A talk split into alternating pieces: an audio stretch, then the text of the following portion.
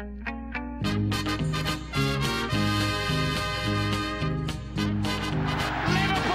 are champions of Europe again. Liverpool are prize winners again. Liverpool is in the record books. Hallå, hallå! Och eh, återigen varmt, varmt välkomna till LFC-podden. Eh, en podcast där vi såklart uteslutande snackar just Liverpool. Och eh, vi gör ju det lite sådär tillsammans med officiella svenska supporterklubben LFC.nu där eh, ni dagligen finner eh, spännande artiklar, eh, färska nyheter och eh, det är ju även exempelvis supporterklubben som eh, nu till helgen håller två riktigt stora härliga träffar i eh, Sverige där vi har en eh, Kalmar-träff på lördag där Glenn Hussein och Anton Hussein kommer delta och där det kommer spelas eh, Sam Dodds Cup. Eh, den här eh, klubbshoppen som erbjuder väldigt snygga Liverpool-kläder har ju dragit igång en liten fotbollsturnering som inleds med Kalmar som första värdstad till helgen. Eh, lite häftigt och så får vi se vad det kan bära och eh, i Malmö så anordnar ju supporterklubben också en stor eh, supporterträff här på lördag med lite drygt 250 personer anmälda just nu. Skulle du vara sugen sådär sista minuten slarvigt inte anmält dig så finns det platser i dörren också. Det kostade 300 spänn men nu ingår mat, fri bowling, en öl, Soran Ismail kommer på besök och mycket annat. Men eh, idag ska vi såklart snacka upp det som komma skall här till helgen. Leicester ska få vara med och inviga nya mainstand. Liverpool spelar sin första hemmamatch för säsongen. Och eh, då känns det ju bra att jag också har lite eh, gediget, stabilt sällskap här i eh, poddstudion. Eh, Danne Forsell, du eh, börjar mer och mer tvätta bort eh, supersub-stämpeln och bli en, en ordinarie spelare. Lite navet på mitten här nu, känns det som. Det, det börjar lukta kaptensbindel till och med nästan. Ja, visa i alla fall. Ja, du, lite James Milner över dig helt enkelt. Kan vi säga att det är, är det det steget du har tagit i alla fall. Lika allround i alla fall. Precis. Ja, det får man säga. Och eh, där klev även eh, Fredrik Edfors in i handlingen eh, efter en eh, veckas ledighet senast. Så, eh, så är du tillbaka redo, Mm. fylld med energi hoppas jag. Alltid.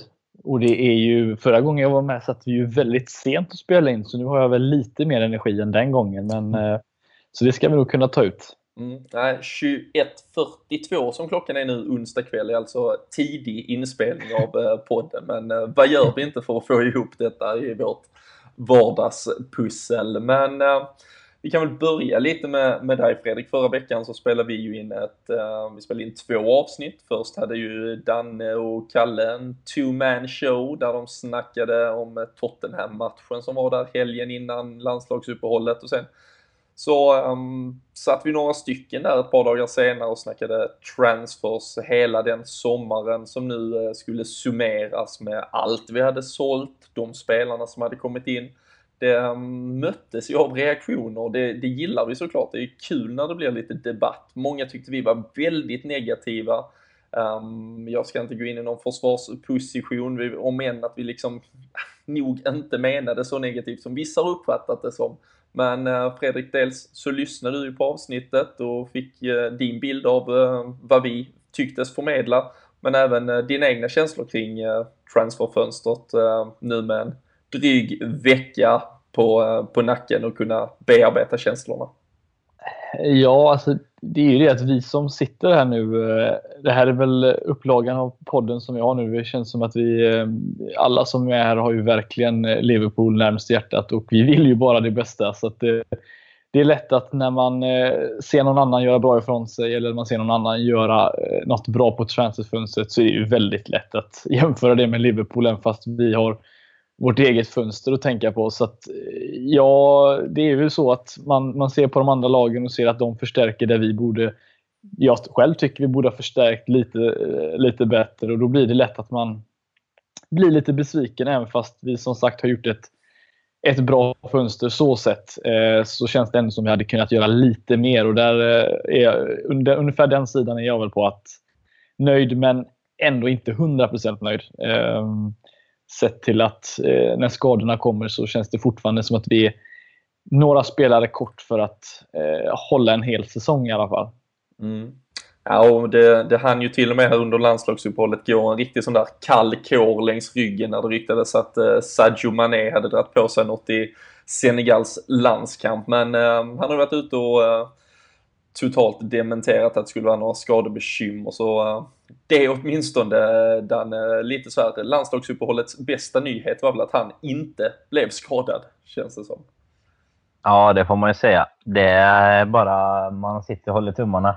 Det är ju, skador är ju inte helt befriade från historiskt sett under landslagsuppehåll om man säger så. Det känns som alla, alltså sådana här stora grejer som kommer, då är det alltid någon jävla betydelselös eh, borta träningsmatch nere i Grekland eller något som någon har varit på.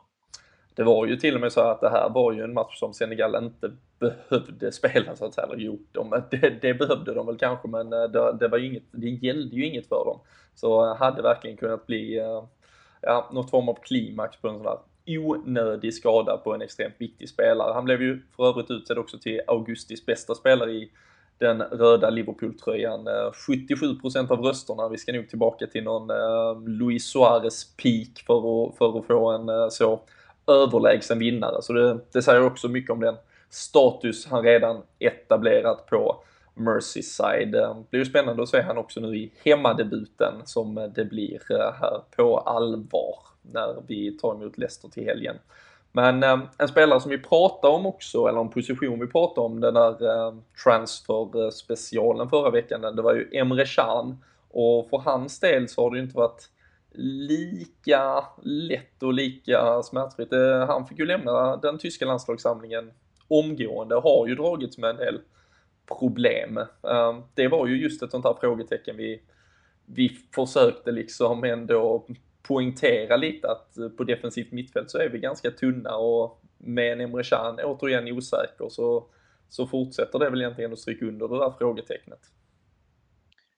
Ja, det, det, det, blir ju nästan extra tydligt, nästan en sån här I told you so. Att eh, man, man måste nästan, eh, sånt här måste hända för att man ibland ska få en uppfattning om hur, hur bra eller illa det faktiskt kan vara. Det kollar man, vissa, ibland har det tidigare varit att en skada kan visa hur bra bredd man kan ha. Till exempel att man kan ta in vilken spelare som helst. Men på just den positionen när det gäller att fördela bollar och hämta ner och vinna tillbaka bollar så är väl han som sagt den absolut bästa spelaren vi har och då är det synd att vi inte har någon som kan täcka upp eh, efter honom eh, på samma sätt. Så att eh, nej, det har du allt rätt i. Mm. Och eh, om än att eh, en Lukas Leiva nu ser ut att vara helt skadefri, eh, skulle ni någon av er som ställer sig på barrikaderna och slår ett slag för att han ska in i startelvan eller det är ett för stort eh, nedköp tror vi snarare på att vi fortsätter i kombinationen av Wijnaldum, Henderson, att båda får ta ett gemensamt ansvar i, i båda riktningar på mittfältet. Om vi går in på just helgens match, då, då vill jag helst se samma i alla fall. För däremot så finns det andra matcher där Lukas skulle kunna vara nyttigare tror jag just det defensiva, men inte just i Leicester-matchen. Inte för mig i alla fall. Utan ett Liverpool som tar tag i taktpinnen rejält istället helt enkelt. Ja, det är väl lite mer det man vill se också. Hemma, premiär och den här biten. Eh, Nåväl så är det regerande mästarna som kommer på besök, men det har ju funnits tuffare regerande mästare att möta i, genom historien om man säger så. Jag känner väl att eh, hellre pusha lite framåt helt enkelt. Mm. Vi ska, vi ska dyka in i eh, just Leicester-matchen eh, lite senare, men om vi stannar lite kort på centralt mittfält så uh, var det ju säkert många där ute i stugorna som fick se lite åtminstone av eh, Wijnaldum återigen eh, här i går kväll eller tisdags när eh, Holland var och spelade mot eh, det nya svenska landslaget också. Eh, några korta kommentarer kring vad han presterade. Han gjorde ju mål eh, veckan tidigare dock när eh, Holland förlorade med 2-1. Men eh, hur tyckte du han såg ut Fredrik på, på Friends? Alltså han är ju en, en bättre spelare när, ju längre fram han är i banan, det, det måste jag ju säga. Eh, och det visade han väl, väl ganska tydligt i sin eh, Newcastle-tid. Eh, tycker väl att Alltså jag gillar ju honom, det måste jag säga, och det har jag sagt tidigare med. Men jag tycker att för att få ut mer av honom så skulle vi behöva lite av den här lilla extra bara. Alltså det behöver inte vara någon outstanding grej så som man är liksom gör att han verkligen gör en eh, solrush genom allt och alla. Men någonting extra från honom och det, det, tror jag vi kan få se av honom dessutom när han ju längre fram han spelar. Eh, och därför, eh, ja, vi har ju pratat om tidigare, ser jag inte honom som en sittande mittfältare utan jag ser honom hellre i, en, i sidan av en diamant eller precis bakom en anfallare. Så jag hoppas att vi får se honom där och då för han är ju som sagt han är väldigt inblandad i det mesta och det var han ju eh, när, från Schneider uppåt till honom och sen upp till anfallare. Så han är alltid inblandad i någonting och det, det är skönt att se för att han, han, eh, han vill ju framåt hela tiden och det, det ser jag ju som väldigt positivt sett till eh, att vi alltid tidigare pratat om att ha en mittfältare som går in i boxen just och det, det är ju det han gjorde mål på mot Grekland och det var även det han gjorde eh, bra mot Sverige också. Mm. Vi, eh, ja, som sagt, vi ska också försöka formera någon startelva till, eh, till på lördag, så det lär vi återkomma till. Men jag tänkte att idag ska vi, vi har fått väldigt, väldigt mycket frågor um, i eh, all möjlig eh, form. Uh, framförallt så är det ju Twitterflödet som fylls på ganska härligt här och vi finns ju på at LFC-podden för den som har ett Twitterkonto så det är bara att hugga tag i oss där.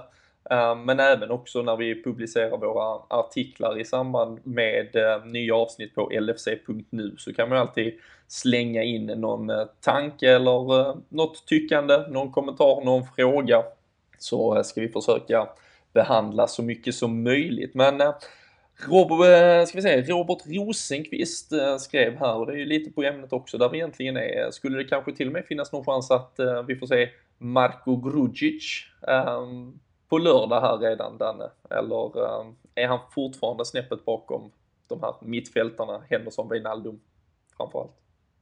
Jag tror att han är snäppet bakom eh, i rangordningen, men jag, hade, jag personligen då hade inte eh, tyckt det varit tråkigt att se honom. För som vi har pratat om under försäsongen, våra första poddar här den här säsongen, så eh, var väl han en av de som imponerade mest. Eh, var även lite spännande när han kom in lite här i, i Premier League-debuten. Så att ja, nej, jag tycker inte det vore fel. Eh, det var väl mot Burnley va, som han kom in en liten, en liten mm. stund där eh, och fick något skottläge i alla fall. Det var ju en match som vi absolut inte behöver prata om mer nu, men eh, nej, jag, jag hade jättegärna sett honom, men jag tror inte att det kommer ske. Men eh, inte mig emot om det, om det blir så. Nej. Hur, eh, hur hade Fredrik Eidefors eh, formerat någon form av eh, mittfält? mittfält? ja, det är ju en sån här match man skulle haft tillbaka Joe Allen va? Det känns som att han hade kunnat lösa detta. Nej, men jag tror det blir en Henderson, Wijnaldum. det tror jag absolut. och jag hade också kunnat tänka mig att se Grujic, men det är väl just det att man har inte fått den här uppfattningen om exakt vilken, jag har inte fått det i alla fall, exakt vilken typ av mittfältare han faktiskt är. Om han är den där eh, sittande som ska vinna boll eller om han är den här box-till-box-spelaren. Så att, eh, jag hade velat, gärna velat se honom mer nu och det kanske vi får göra i de här inhemska kupperna men eh, jag tror inte heller han eh, liksom går in i en sån här matchklopp och, och bara byter ut en mittfältare mot någon som inte har spelat tidigare. Det tror jag inte. Nej, det, nej det, jag, jag, tror väl också att han är liksom det där snäppet bakom fortfarande och, och det är som sagt eh, oavsett kanske egentligen kvaliteten som har presterat så är det ju spelare liksom av, eh, av olika anledning som antagligen har lite mandat eh, på den där eh, startpositionen. Wijnaldum som kommer in liksom en ganska tung prislapp och trots allt eh, måste ju ändå ges chansen att bevisa vad han duger till. Och det är ju just kanske nu också en sån här hemmamatch där vi kanske ska ändå sätta lite fart, vi ska trycka på, vi ska fylla på i box eh, där han kan verkligen leverera. Och eh, det är ju även här där vi kanske förhoppningsvis åtminstone inte kommer se något större tillbakapressande egentligen från, från Leicesters sida då där Jordan Henderson faktiskt kan komma att fungera som en lite mer sittande mittfältare. Det är ju när det blir liksom ett direkt defensivt mittfältspel som eh, det känns som att han är lite lite för tunn ehm, i, ehm, ja, i kunskap egentligen och, och vad han besitter för, um, för färdigheter för att spela i den positionen när det verkligen ställs frågor och eh, prov som vi såg exempelvis mot, eh, mot Arsenal där jag inte alls tycker att han riktigt fungerar. Det är ju ett av de eh, absolut bästa kontringslagen kan vi väl bara säga också som vi möter. Och det är, jag tror inte de kommer vara lika defensiva som Burnley, men vi har ju märkt att i, i matcher där, där de egentligen, motståndarna alltså, bara går upp med en, två spelare i vissa farliga lägen så kan de ju definitivt ställa till med problem. Så att eh, där är väl också en grej och just när det kommer till att ha, ha någon spelare som Lukas till exempel då, som nästan alltid ligger kvar där bak. Så det, det, är väl nu då man helst skulle vilja ha haft en sån och låta resten trycka framåt. För att, eh, oavsett vem som spelar bredvid eh, Vardy som sagt så är det ju alltid någon som droppar ner lite och ska lägga sig där mellan mittfält och försvar. Och då är det skönt att ha någon som kan ligga och sopa, ja, sopa runt där. Liksom. Mm. Ja, jag förstår absolut hur du, hur du menar på, på det sättet. Eh, samtidigt så eh, Ah, jag tyckte ju vi såg det ju tillbaka till, det, det är långt tillbaka nu men när vi spelade liksom så här omvänd eh, diamant, alltså när vi pressade på när vi spelade. Visserligen var det ju ofta med Lukas, men när Henderson, Gerard, när vi valde att liksom verkligen sätta fart med vårt centrala mittfält ehm, så ehm, på, på hemmaplan så har det ju kunnat gå väldigt, väldigt bra. Så, ehm, men vi får se. Det är, det blir väl en uh, tuff nöt att knäcka. Det sägs ju, eller tros ju ändå som att Emre Can missar matchen då på grund av uh, skada här som uh, ligger och inte helt har läkt från, från det tyska landslagsuppehållet då. men ja, vi, vi får se och vi ska ju som sagt, vi ska ju sätta ihop vår elva här vad det lider. Men um, om vi tittar eh, längre fram i plan så har vi också fått rätt mycket frågor kring um, Sturridge. Um, han var ju bänkad av, uh, han har varit bänkad stor del av Liverpools inledning här. Han var bänkad av Sam Allardyce i uh, det engelska landslaget, kom in, var på planen där i slutet när Adam Lallana gjorde 1-0. Men Tom André Köli han eh, undrar om eh, när får vi se Sturridge eller Origi från start som striker eller till och med rent av spela båda två. Um, Sturridge har ju varit den liksom ja, den vi har litat på när han väl har spelat under den, ja, de senaste två, tre åren här. Origi var ju verkligen upcoming, man trodde det var här skulle vara hans säsong. Men uh, var, var är de just nu i vår pecking order? Den, eh, är de, eh, slåss de om en plats eller är de förvisade till bänken? Jag tror eh, faktiskt att det blir samma som eh, Arsenal-Tottenham. Egentligen alltså Firmino, Coutinho, Mané och Lalana. Så eh, sen, ja, jag vet inte riktigt vad jag vill egentligen kan, kan jag vara ärlig och säga. För att jag gillar ju Sturridge rejält mycket. Som jag tycker att det har sett otroligt spännande ut med den. Nu har vi diskuterat det, vad det nu ska heta. Heter det kvintetten? det var de fyra i alla fall. Kvartetten. Eh, kvartetten. Kvintetten är någon mer då. Så eh, nej men absolut. Eh, nej, jag, jag, tycker att eh, de fyra ska starta men det är klart att Sturridge, det, ja, det är inte helt fel. Mm. Hur, ehm, hur går dina tankar eh, Fredrik? Det är det där med en uppsättning. Alltså alla de här spelarna vi har, de bidrar ju på, på så, så eh, olika sätt. Jag menar, Origi är väl den enda spelaren vi har som, som kan ställa lite frågor på, på, på så många olika sätt. Alltså i både luftrummet, eh, bakom backlinjen, eh, med sin snabbhet. Eh, Medan Firmino ofta droppar ner och då kan det ju då Eh, skapa ytor bakom för Coutinho, Mané och Sturridge. Han gör ju lite allt, eh, allt möjligt egentligen. Eh, så det är så svårt att veta riktigt vad, eller vi vet ju vad, vad, han föredrar Klopp. Det är ju en Firmino mot de här större lagen i och med sättet han pressar och han pressar ju väldigt bra. Och det är frågan om han är kanske den huvudmannen som ska starta mot Leicester. Jag hade gärna sett någon av de andra just för att de känns mer som boxspelare. Ehm, och Därför hade jag gärna sett någon av dem eh, också. Men det är frågan vem han skulle peta av de där andra fyra, för de har ju gjort det så pass bra mot de stora lagen. Mm. Det är lite det jag känner också. Det är liksom, vem ska vi ta bort av dem för att få in någon av Origi och Sturridge egentligen. Mm. Nej, jag, alltså jag är ju, och det, det sa jag väl redan, alltså jag är ju lite på, på ditt spår. Jag, jag har extremt svårt för Daniel Sturridge som person och som den typ egentligen han är. Men uh, att, uh, alltså den här liksom extrema målfarligheten som han trots allt besitter uh, är jag ju ändå svag för. Däremot är väl jag då kanske en av ja, Divok Origis absolut liksom sista st storsupportrar. Jag, jag har inte jag är inte såld på honom än. Um, tycker inte han har bevisat tillräckligt. Jag tycker han har varit liksom ganska så bra avslutare när han har kommit igenom och löpt ganska rätt och klokt uh, ett par gånger men tycker inte han egentligen, alltså det här med, jag vet, jag tycker han har fått oförtjänt egentligen mycket beröm för någon form av insats som egentligen har skett mest i skymundan att han egentligen liksom ska löpa bra, han hittar luckor, men där är ju inte så mycket, där är inte så mycket slutprodukt i honom ändå och där är egentligen inte så mycket, liksom, han är inte så himla bidragande i spelet i övrigt heller. Vilket liksom man kan säga exakt samma sak om Daniel Sturridge, men då tycker jag ändå man har så mycket bevisad målskyttskvalitet att man kan eventuellt försvara det om man nu vill plocka ut någon av de andra.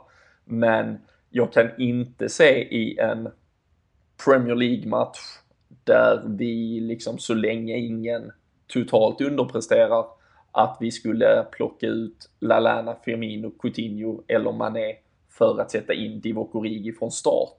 Sen kan det säkert kunna bli situationer som mot Tottenham där vi har en 50-50 situation på vem av anfallarna som kommer in.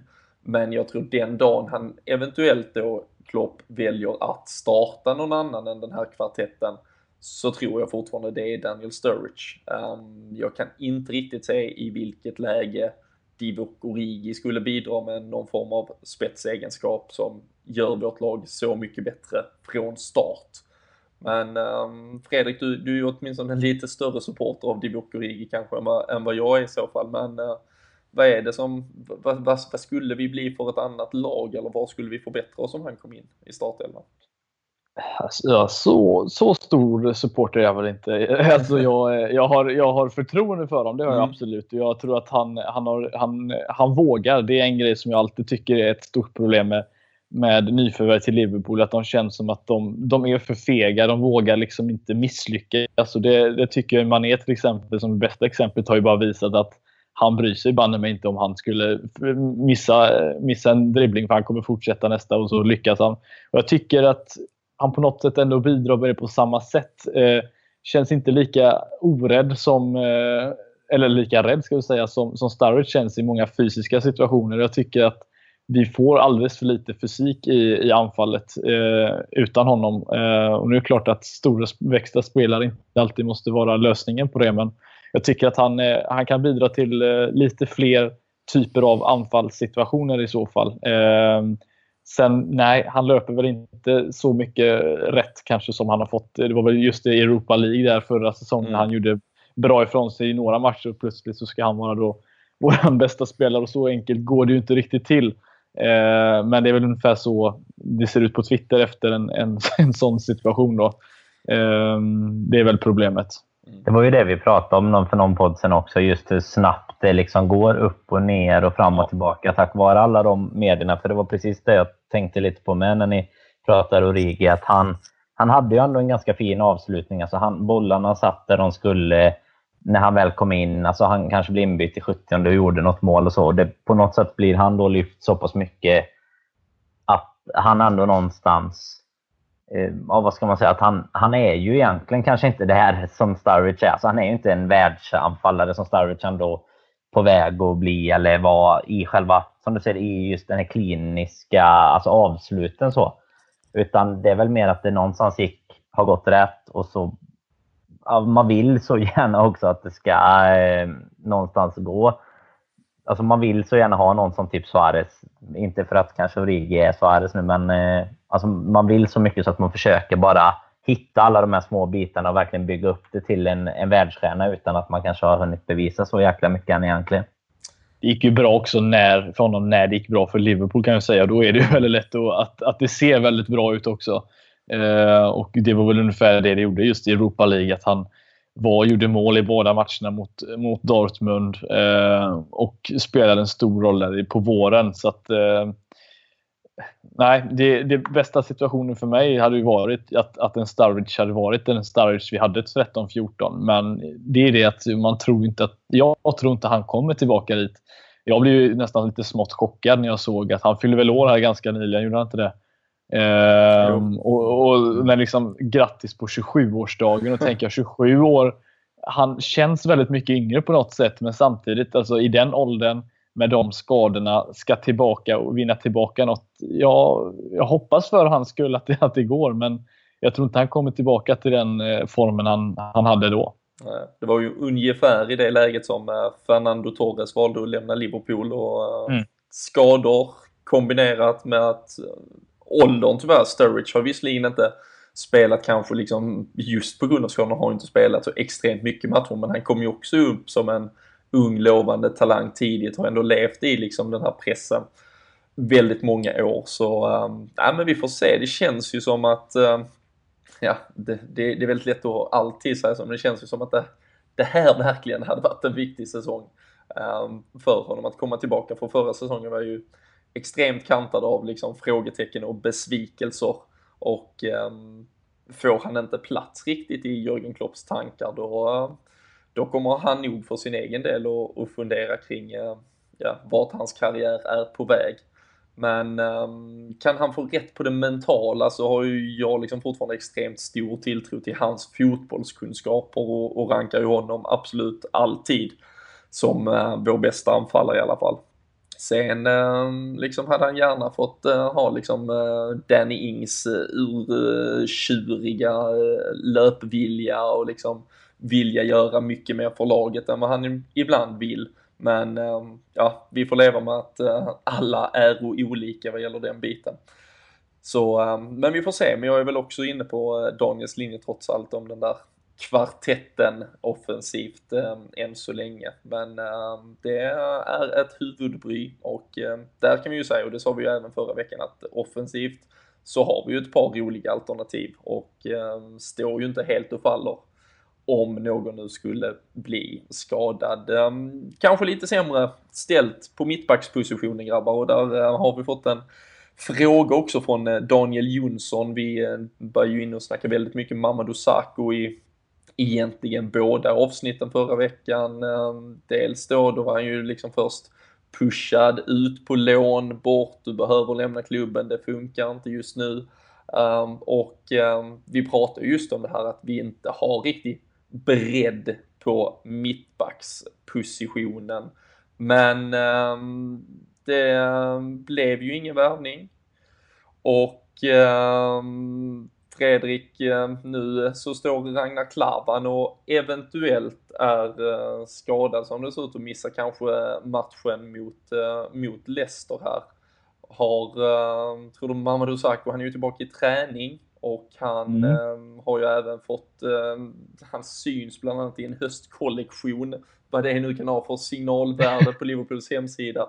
Men, att han är snygg i snygga kläder, det är väl det. Ja, bara det är ju fantastiskt, men um, ja, vi, vi behöver ju en mittback på bänken mm. åtminstone. Att eh, Matip och Lovren startar eh, lär väl vara ganska självklart. Men eh, blir det Lukas eh, Thiago Ilori eller eh, liksom blir det lite fiask om det nu har funnits ett ultimatum från, från Jörgen Klopp. Det vet vi ju inte heller, men det var så tidningarna rapporterade. Men det känns ju som ett litet fiasko om man liksom behöver sätta honom på bänken tre, fyra mm. dagar efter att, eller ja, en och en halv vecka efter att fönstret har stängt nu. Ja, alltså det enda jag... Liksom två grejer med denna situation är att jag tror jag läste för ett tag sedan en väldigt bra intervju med Klopp, eller det var inte någon, det var bara några små citat egentligen, där han förklarade om hur, eh, vad ska man säga, hur han alltid liksom tror på att ge spelaren en andra chans. Och det här var ju några månader innan detta hände.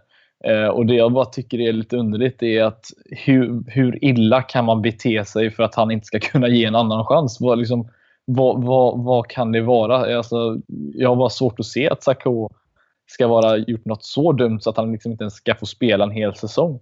Eh, och nu när man läser att han är tillbaka eh, i träning och som sagt är med en sån här höstkollektion. Då, jag tror inte det är tomma ord. Jag tror bara att han kanske har förbättrat sig helt enkelt. Han har väl lovat att jag ska vara en bättre människa. Jag ska kriga för det här laget. För om det är någon spelare vi har sett under förra säsongen som verkligen älskar Liverpool så känns det som att det är Sacco efter Dortmund och alla Villarreal-matcherna. Alla de här när vi hade fantastiska vinster. Då känns det som att han alltid varit nästan kapten i det laget sett till hur han betedde sig. Så att, eh, jag tror att vi kanske kan få se en Sacco i alla fall. Och eh, ja, men skulle det liksom, är det något signalvärde i detta Danne om det skulle bli så nu att att eller ska vi bara ta det återigen som att media då uppenbarligen har uh, låtit oss alla gå i fällan och tro att det här var ett större problem än vad det var?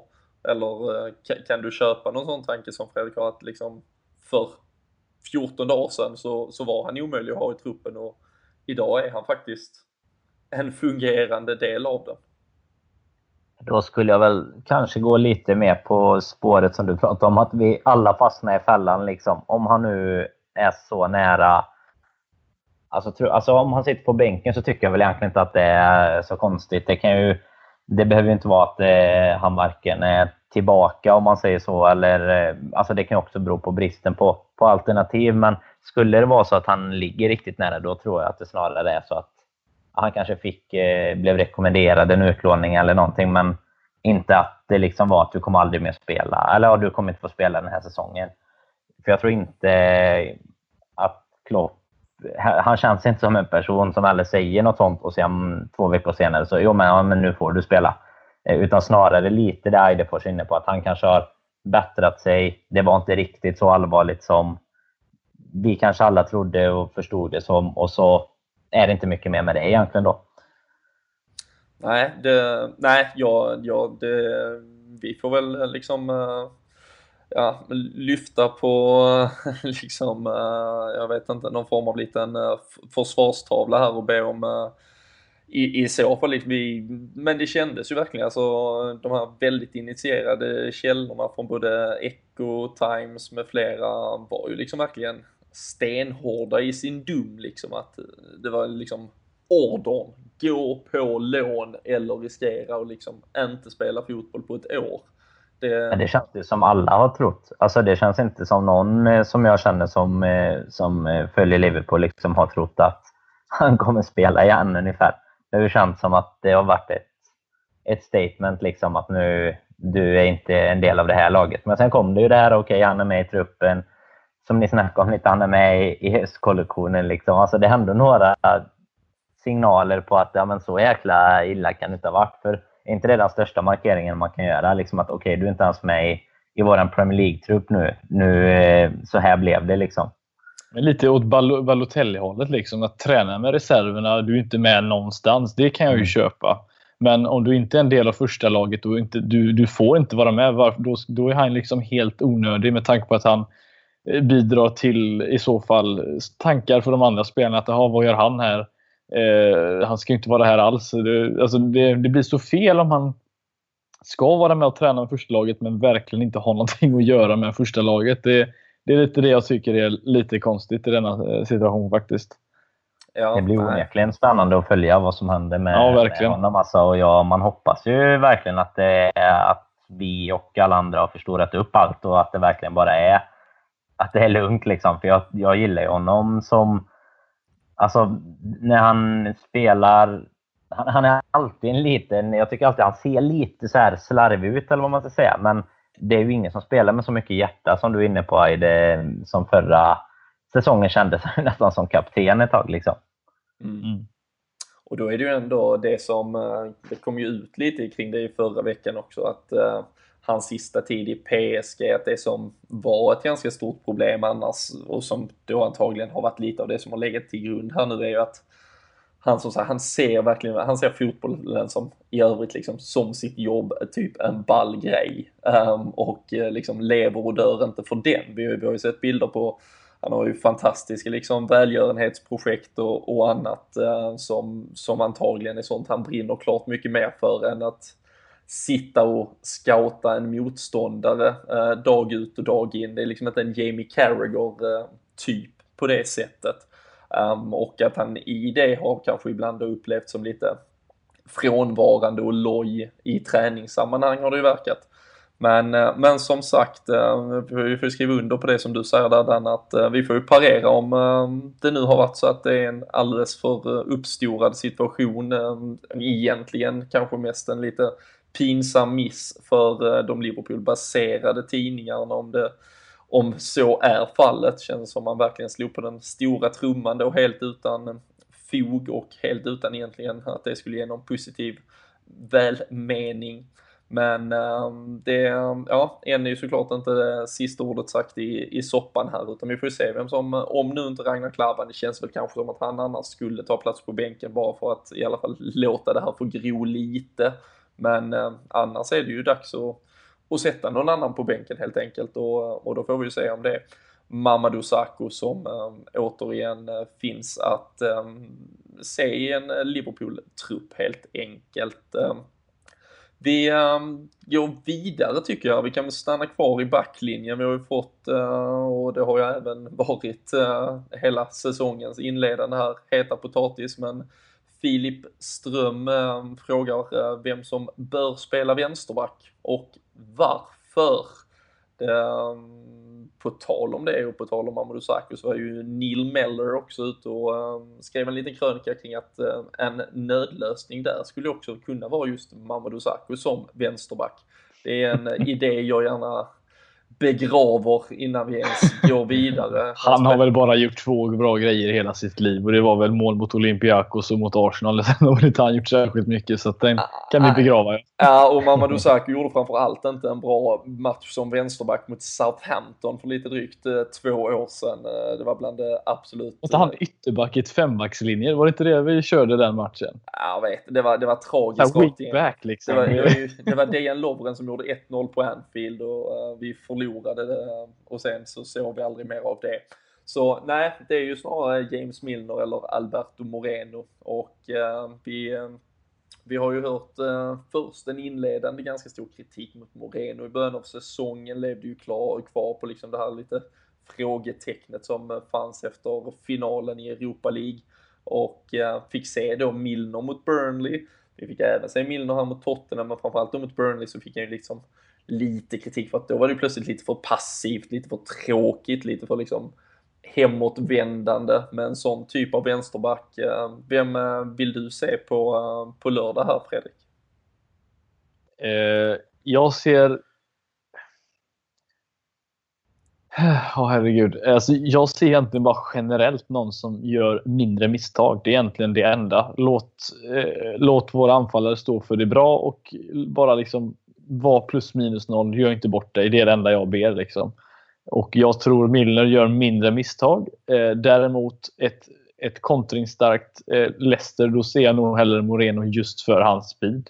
Det är nog det enda. Eh, och, eh, och sen är du helt hoppas... trygg med att han tar en avgörande glidtackling i straffområdet för att lösa den kontringen? eh, nej, det gör väl inte, men eh, jag tror ändå att eh, den speltypen, om vi säger så, då, eh, är eh, vad jag hellre hade sett på lördag än Milner. Men däremot faktiskt. så eftersöker du ju då en uh, sittande defensiv mittfältare. Är det James Milner som ska upp där istället då? Nej, det tycker jag inte. Eh, jag ser hellre honom som en högerytter, men då ska han peta Mané och det tror jag inte han gör heller. Eller det vet jag att han inte gör. Så att, eh, Milner blir nog bänk i den här matchen skulle jag gissa. Mm. Hur, uh, hur resonerar uh, Danne Forsell? Jag har ju slått ett slag innan lite för att jag tycker att Moreno ska spela de här matcherna där vi någonstans kanske ska föra eller på, liksom på förhand ska vara det bättre laget och Milner vid de lite mer där vi verkligen behöver eh, den platsen mer för det defensiva jobbet. Och utöver egentligen det här med kontringarna, för det är givetvis en sån grej där vi behöver en defensiv spelare, men samtidigt också en snabb. Så eh, har jag slått ett litet eh, slag på mittfältet att vi ska vara offensiva, så att jag ska ha Moreno på vänsterbacken denna, denna matchen. Mm. enda jag känner är just om man tar Tottenham-matchen, så sättet deras mål gick, eller, eh, kom till. är ju just det att vi har en bolltittande vänsterback som egentligen inte vet vad som springer runt honom. Eh, och hade det varit Moreno så hade han ju blivit halshuggen efter matchen ändå. Så att, eh, just den typen av, av försvarsspel vill jag ju komma bort ifrån. Eh, och alla vet ju vad jag tycker om vänsterbackspositionen och vad, jag, vad vi hade kunnat göra där också under fönstret. Så att, eh, men får vi bara bort det, det negativa, eh, inga mer misstag, då, då tror jag vi kan eh, sitta relativt eh, glada på lördag klockan ja, typ så här halv nio eller något sånt där på kvällen. Det är väl sen match va? Precis. Ja, precis. Ja, så att, någonstans inte- där. En, en bra lördagkväll kan vi kanske ha då. Jag tror inte, man ska inte snacka ner Leicester som något dåligt lag på något sätt, men jag tänker när det är hemmapremiär och vi kanske kommer gå offensivt liksom och, och någonstans så är Leicester ändå Leicester. De har tappat några spelare. De vann mycket på sina kontringar och snabba omställningar med Warder där fram så känner jag att det kommer inte riktigt bli det hotet som det blir mot typ Arsenal och Tottenham på... Eh, alltså det är kanske lite mer Burnley-vibbarna på eh, kontringar, att komma centralt ifrån. Och då tycker jag att... Nu är ju inte Moreno så att han inte kan göra någonting defensivt. Så att det känns som vi kan släppa lite mer och, och gå framåt, tycker jag, jämfört med ha de här lite sittande spelarna, om man säger så, som ändå Milner. Om du jämför snabbheten, om det kommer någon i en duell mot Wardy, då är det ju i alla fall Moreno som ska göra den här galna glidtacklingen och inte Milner, för han kommer inte ens glida ikapp hur blött och regnigt det ens är på Merseyside på lördag.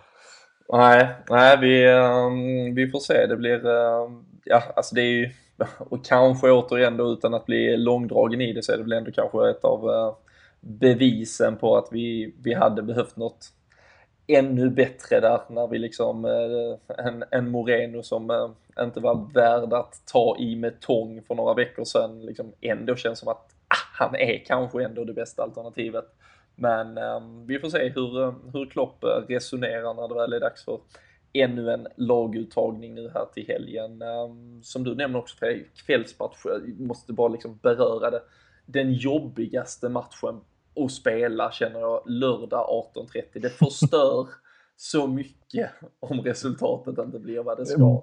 Både lördagkväll och söndag, hela söndagen blir förstörd om man inte får med sig det resultatet. Ja, alltså man kan, man kan bearbeta. Söndag så kan fan skitsamma vad som händer en söndag. kan man ligga och gräma sig där. Men liksom man- 18.30, man sitter där, man är så peppad, man är så sugen.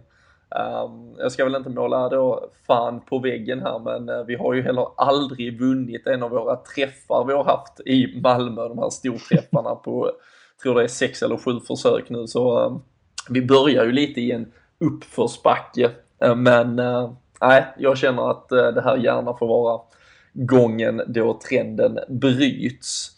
Men um, ska vi försöka kanske um, styra upp en liten startelva för att i alla fall ge Jörgen Klopp uh, några tankar och uh, idéer. Vi, vi hade en fråga här från eh, Robert Rosenqvist eh, kring Loris Karius, men, men där har vi ungefär en månad kvar. Det har ju kommit ganska väl informerade källor på det och det är ju ungefär vad, vad som var tanken också, om än att det känns som att han, eller har också varit så att han har varit lite före i sin rehabilitering. Men han, han är ju igång och tränar med en hand på Melwood just nu kan man se lite bilder Men nu på. tränar han fullt, va, tror jag. Ja, Jag, tror, jag såg det idag, tror jag.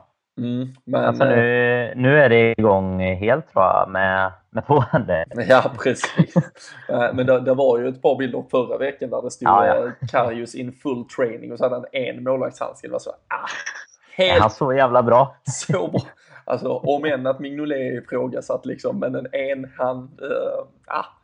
Men eh, ja, om än Låt honom bevisa det först då, innan vi klagar på att han bara har en hand. Vi får se hur bra Ja, han är ja. faktiskt. Absolut, men, eh, men nej, eh, frågan där var väl egentligen om han var aktuell för spel redan på lördag i alla fall och det, det kan vi väl nog konstatera att han inte är. Och eh, efter att ha sett Alex Manningers ingripande bakom lyckta dörrar på Melwood när vi träningsspelade mot Huddersfield här under landslagsuppehållet så har han nog inte slagit sig in i Jörgen Klopps eh, tankar han heller. Utan eh, Mignolet kan nog sova tryggt och i lugn och ro förbereda sig för ännu en start när vi inviger eh, nya mainstand, ett större Anfield, bara det är ju såklart superhäftigt och härligt.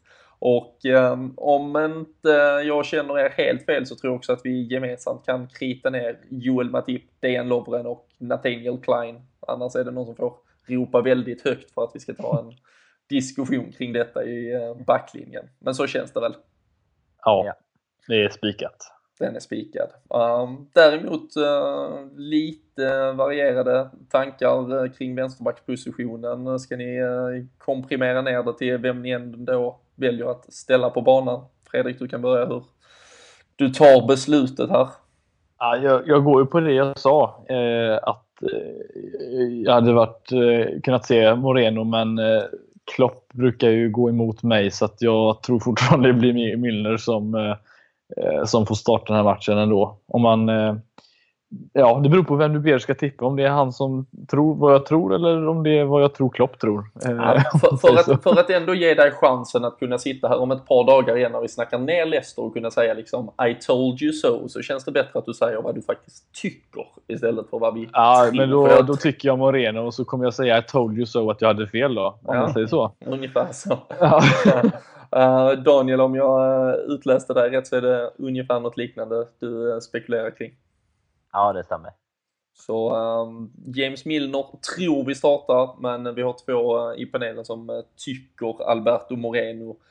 Um, jag, jag, kan faktiskt inte ens tycka något i frågan. Jag, jag kan inte uh, jag kan inte riktigt um, påstå att den ena känns uh, hetare än den andra, att den ena lösningen känns extremt spännande kontra att den andra skulle vara, nej, jag, eh, jag, jag låter det vara osagt så, så lämnar jag mina... Du vill inte skämma ut dig helt enkelt? Nej, det, jag, jag sitter ju här och kollar igenom reservlag och annat för att se vem det hade kunnat vara. Men uh, nej, jag kör utan vänsterback. Ja, ja, det finns ju sådana alternativ också.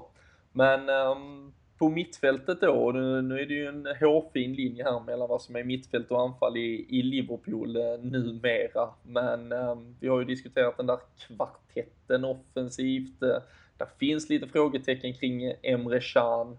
Men um, hur, um, hur hade du ställt upp Fredrik offensivt om uh, du hade varit eh, manager för Liverpool?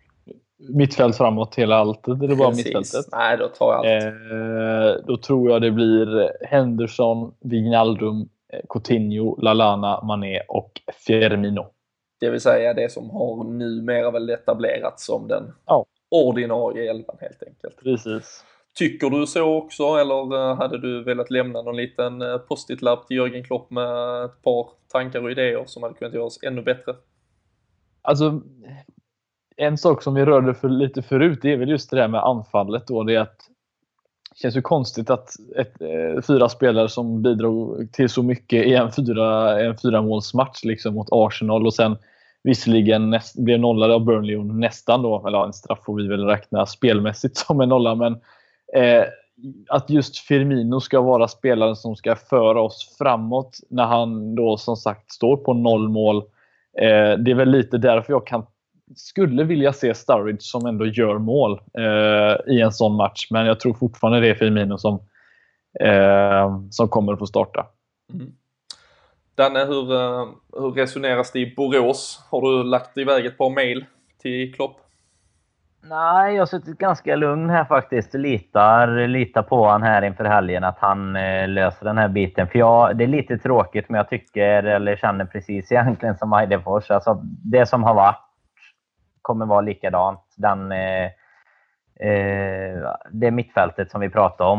Eh, Henderson, Wijnaldum, Lalana, Coutinho, eh, Firmino, Mané där fram. Sen är jag inte heller helt främmande för att det istället skulle vara Sturridge som startar mot Firmino. Men jag tycker det är lite det här alltså pressspelet på backlinjen och sånt. Det är det jag tycker vi får med oss mycket mer med Firmino egentligen. Och dessutom lite mer rörelse, lite mer spännande kombinationer. Alltså Sturridge är mer den här, ja men nu hamnar bollen framför fötterna i straffområdet och han gör det jäkligt bra. Han sätter den.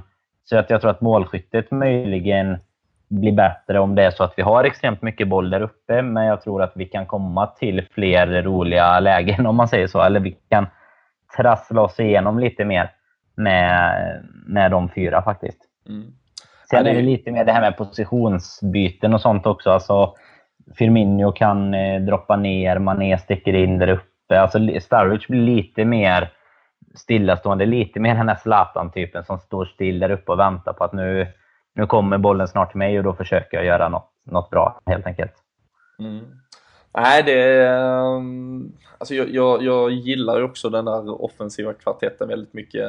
Ty, tycker även att ehm, Adam Lallana är extremt kul för honom att han fick göra mål för England. Ehm, det är ju just kanske målskyttet även på honom som har varit liksom en ja, ett stort frågetecken liksom ändå om man ska, eh, alltså ska man kunna etablera sig som något form av liksom ändå ett ordinarie anfallsalternativ som det numera rör sig om i en sån här startelva och i en klubb som vill ligga så pass långt fram i tabellpositionerna så, så behövs det målskytte från de um, spelarna i de rollerna och det um, hade verkligen varit skönt om även han fick göra ett, två eller tre mål här ganska snart för, för Liverpool också. Men uh, jag, um, jag tror på exakt den uh, elvan offensivt som uh, ni är inne på, framförallt om vi då räknar bort att Emre Can inte är tillgänglig men eh, skulle ju gärna vilja se kanske någon gång ett, dels hade jag velat se tre man mitt fält med Alltså där Coutinho kommer ner lite mer också, det har vi pratat om tidigare. Jag tror ju även där kanske vi också ska se, vi får ju, han har ju varit och spelat med Brasilien nu, spelar sent natten mellan tisdag och onsdag, kommer inte vara redo att träna förrän egentligen tidigast, tidigast en torsdagsträning om han ens liksom hinner det utan kommer Max kanske få en träning i benen med laget, vilket såklart också kanske ställer hans ja, medverkan eller åtminstone liksom i alla fall chans att spela 90 minuter på lite, ja, lite gambling på den fronten. Men, eh, men skulle kanske vilja se honom senare i, om vi nu ser det som ett 4-3-3, att man hade sett honom som någon av de här centrala istället där Lalana, Beinaldum har spelat senaste matcherna i alla fall. Och eh, på så sätt kanske kunna ja, studsa runt lite och få in eh, Sturridge trots allt. Kanske kunna spela Lalana, Mané, eh, eller Lalana Coutinho bakom eh, då liksom någon tremanna eh, anfall med eh, Mané, Sturridge, Firmino så vi ändå behåller alla och så liksom en riktig defensiv men det krävs nog att det är Emre Can tillbaka innan man kan eh, försöka sig på något eh, sådant. Så eh, vi får väl se lite där. Men eh, jag, jag, tror på det som ni säger. Um, skulle kanske trycka ut antingen Firmino eller Wijnaldum för att få plats med Daniel Sturridge, få plats med hans målskytte i en hemmapremiär. Um, tror han vill bevisa extremt mycket här och eh, hade gärna sett honom få chansen att göra det. Tycker också att han, eh, visserligen såg vi mot, eh, eller i ligacupen här för några veckor sedan, att han kom in och gjorde mål, men han, jag tycker han har lite svårt att komma igång som inhoppare också, så man liksom, väljer man att inte starta honom så kommer man inte få med så mycket. Um, utan um, han behöver liksom, han behöver få liksom spela en massa dödtid också, han behöver bara få minuter där han inte gör någonting för att sen plötsligt ändå explodera med ett mål från ingenstans. Um, frågan är om liksom Lalana Firmino har tillräckligt mycket mål i sig totalt sett för att hålla en renodlad striker utanför hur länge som helst. Men uh, vi får se. Jag tror Lalana är den som ligger, alltså jag tror han är rätt snabb eh, långt in, eller så här långt. Eh, för en av de tidigare spelarna som är på hans lista att spela Klopp just för att han springer sig galen liksom mm. hela tiden. Dock är just det, Firmino kom upp i double figures förra säsongen, alltså 10, över 10 mål och 10 assist, vilket är precis vad jag skulle säga att den positionen Lalana är. Det är det man ja. vill, hade velat se mm. och byta ut det mot en, en renodlad anfallare som dessutom då står för en 15 plus mål. Då hade jag, då hade jag sagt att då, kan vi, eh, då hade vi verkligen kunnat sikta eh, högt upp. Inte ligavinnar högt, men i alla fall topp 4 om vi hade kunnat få in de här målen och kanske istället kryssat mot ett Burnley istället för att förlora med 2-0 eller vinna den här uddamålsmatchen mot, istället mot Tottenham. Den typen är jag ute efter och det enda jag känner med Sturridge det är väl att när han spelar från start eh, det senaste, det är väl att han känns som att han sparar på energin för att orka en hel match. Men då är man inte den spelaren som Klopp sätter ut på plan. För den spelaren Klopp har ska springa lika mycket i 90 minuter och då, då tror jag inte han håller för det. Men jag håller med dig som du säger att han känns inte heller som en inhoppare med tanke på att han det känns som att det krävs lite för honom att komma igång. Framförallt i de lite viktigare och större matcherna än, än ett Burton. Liksom. Mm.